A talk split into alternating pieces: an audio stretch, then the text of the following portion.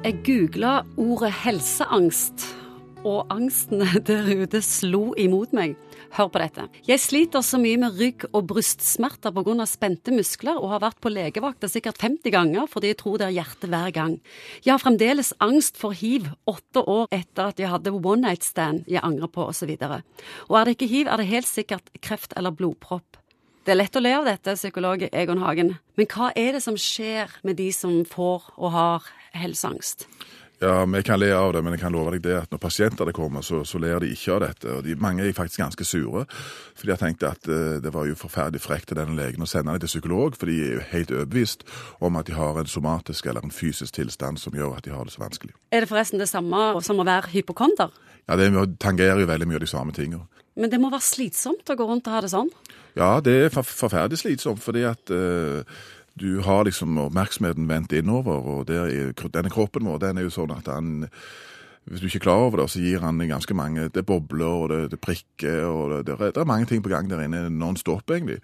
Folk som har helseangst, de blir vanvittig flinke på å følge med på dette. Så de hører på hvert eneste signal kroppen gir? Ja, og så tolker de det i en katastrofal retning, at dette er tegn på alvorlig sykdom, ofte dødelig sykdom.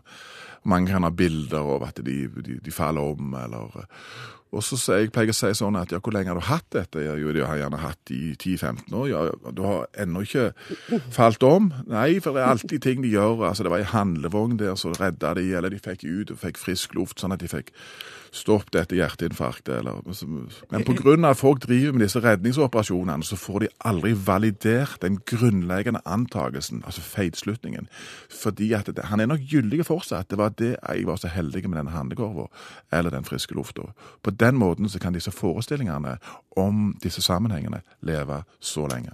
Har du mange klienter som har helseangst? Masse pasienter som har hatt helseangst, og heldigvis er det kjempegod effekt med å behandle dem før vi snakker om hvordan du behandler, hvordan oppstår denne sykdommen? For de har iallfall den sykdommen. Ja, Det vi sier litt sånn på fint, er at ofte er det sånne idiosynkratiske, altså veldig personlige erfaringer som vedkommende har hatt. Det kan være en onkel som har dødd av et hjerteinfarkt, eller det kan være andre som har uh, hatt en alvorlig sykdom. Og Det gjør at denne opsjonen, om du vil, den kommer inn i vedkommendes tankesett, og så tenker du at jeg må virkelig følge med nå på om jeg òg får det samme. Så det er som regel et eller annet historien som har starta dette mirakelset. Hvordan jobber du med en pasient som har helseangst? Veldig psykoedukativt. Altså, det vil si at vi forklarer, ja, tegner og forteller hva er det faktisk som skjer når du får disse, disse sterke kroppslige reaksjonene. Prøve å vise denne feilslutningen som personen har og at det er feilslutningen og denne tendensen til å tenke at nå står du overfor en livsfare, det er det som gjør at du får denne fysiologiske reaksjonen.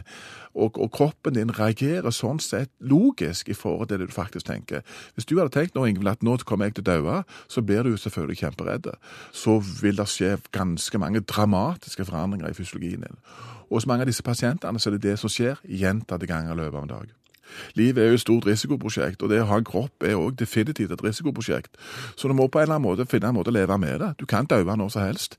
Hvordan skal jeg tenke rundt det der med risiko? Skal jeg bruke hele oppmerksomheten din på å bli udødelig, eller skal jeg si nå tar jeg én dag om gangen? Og så vet vi ikke helt hvordan det går. Har du klart å helbrede en hypokonder? Ja, mange. Heldigvis. Og det er kjempegode behandlingsresultater på dette.